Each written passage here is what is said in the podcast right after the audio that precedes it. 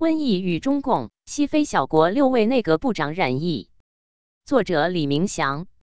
大纪元二零二零年四月二十三日讯，中共病毒武汉肺炎肆虐全球，一个远在西非内陆的君子之国也没能摆脱厄运。该国二十三位内阁成员中，已至少有六位内阁部长确诊，这在全球也是独一无二的。布吉纳法索。Burkina Faso 是西非内陆国家，面积二十七万平方公里。二零一九年，联合国估计其人口为两千万，曾为法国殖民地，官方语言是法语。Burkina 指君子或正直的人，Faso 则是祖国的意思。六位内阁部长染疫。根据 Worldometers 的最新数据，截至美东时间四月二十二日中午，布吉纳法索已有六百零九个确诊病例。三十九人死亡。据新人道主义新闻社 The New Humanitarian 报道，该国二十三位内阁成员中，已至少有六位内阁部长确诊，其中包括外交部长、商务部长、教育部长、内政部长等重要阁员。而其首例死亡病人证实是罗斯马瑞康波瑞 （Rosemary Cambar），他是该国国民议会的副主席。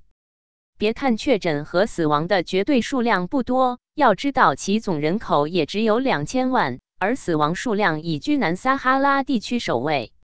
虽然大部分确诊病例位于首都瓦加杜古，但已经向其他城市和郊区蔓延开来。目前，在该国的世卫组织官员杰瑞·乔纳斯·姆巴沙 （Jerry Jonas Mbasha） 表示，确诊病例只是冰山一角。因为该国唯一一个可以测试中共肺炎的实验室位于第二大城市博博迪乌拉索 （Bobo Dioulasso），离首都有五小时车程。这意味着来自全国的疑似病例如果得到确诊，至少需要等待十二个小时以上。即将到来的公共卫生灾难。目前，布吉纳法索只有一个五百个床位的医院和一个小诊所被指定接纳中共肺炎患者。医院里的呼吸机也屈指可数。该国政府曾想在首都瓦加杜古建立一个新的测试实验室，但发现却找不到有资质的人组装设备。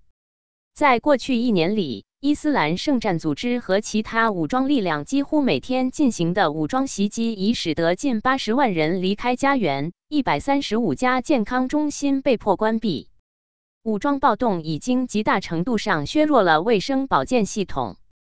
联合国难民署四月七日在日内瓦召开的新闻发布会上警告称，布吉纳法索中部地区有几十万难民被迫露天过夜。长期的物质短缺本来就可能导致一场人道主义灾难，而中共肺炎更是加剧了这一危机。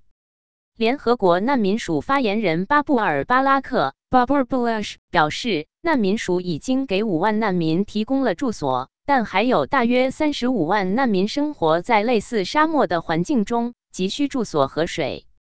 他表示：“我们正在和时间赛跑。布吉纳法索本身就缺水严重，而缺水导致对抗中共肺炎的一些基本措施，如洗手和个人清洁卫生，对很多人来说几乎是不可能的。对于五到十人挤在一间帐篷里的难民来说，”保持社交距离或隔离也是无法做到的。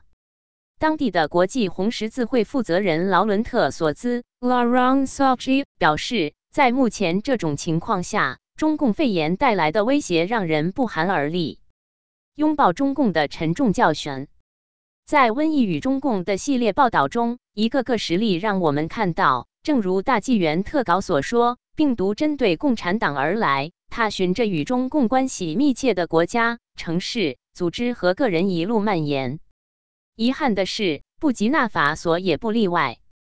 二零一八年五月二十四日，布吉纳法索宣布与台湾当局断交。两天后，其外交部长巴里现已染疫，在北京与中共外交部长王毅签署恢复外交关系的联合公报，恢复大使级外交关系。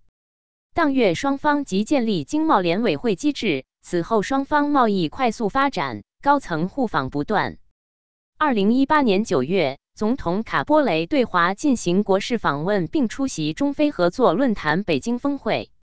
二零一九年一月，中共国务委员兼外交部长王毅的非洲四国之行中就包括布吉纳法索。二零一九年四月，布方国民议会议长和外交部长又对华进行正式访问。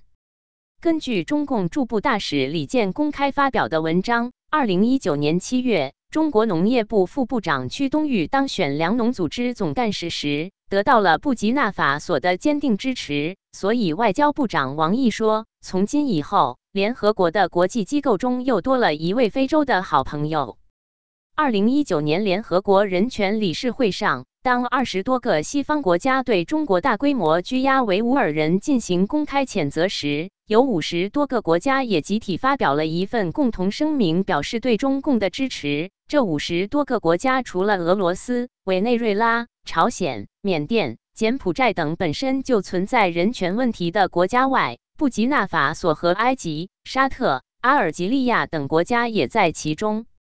非洲国家绝大多数是发展中国家，这里是中共长期耕耘的重点。中共主要以利诱的方式，如大量经济援助、援建、投资、贸易等，影响并左右了多数国家。目前，非洲中共肺炎确诊数量最多的几个国家，如埃及、南非、摩洛哥、阿尔及利亚等，无一不是与中共有着密切的政治经贸关系。而非洲唯一一个没有与中共建交的国家斯威士兰，台湾称为史瓦蒂尼，受中共肺炎的影响却非常轻微，至今只有三十一例确诊病例，一个死亡病例。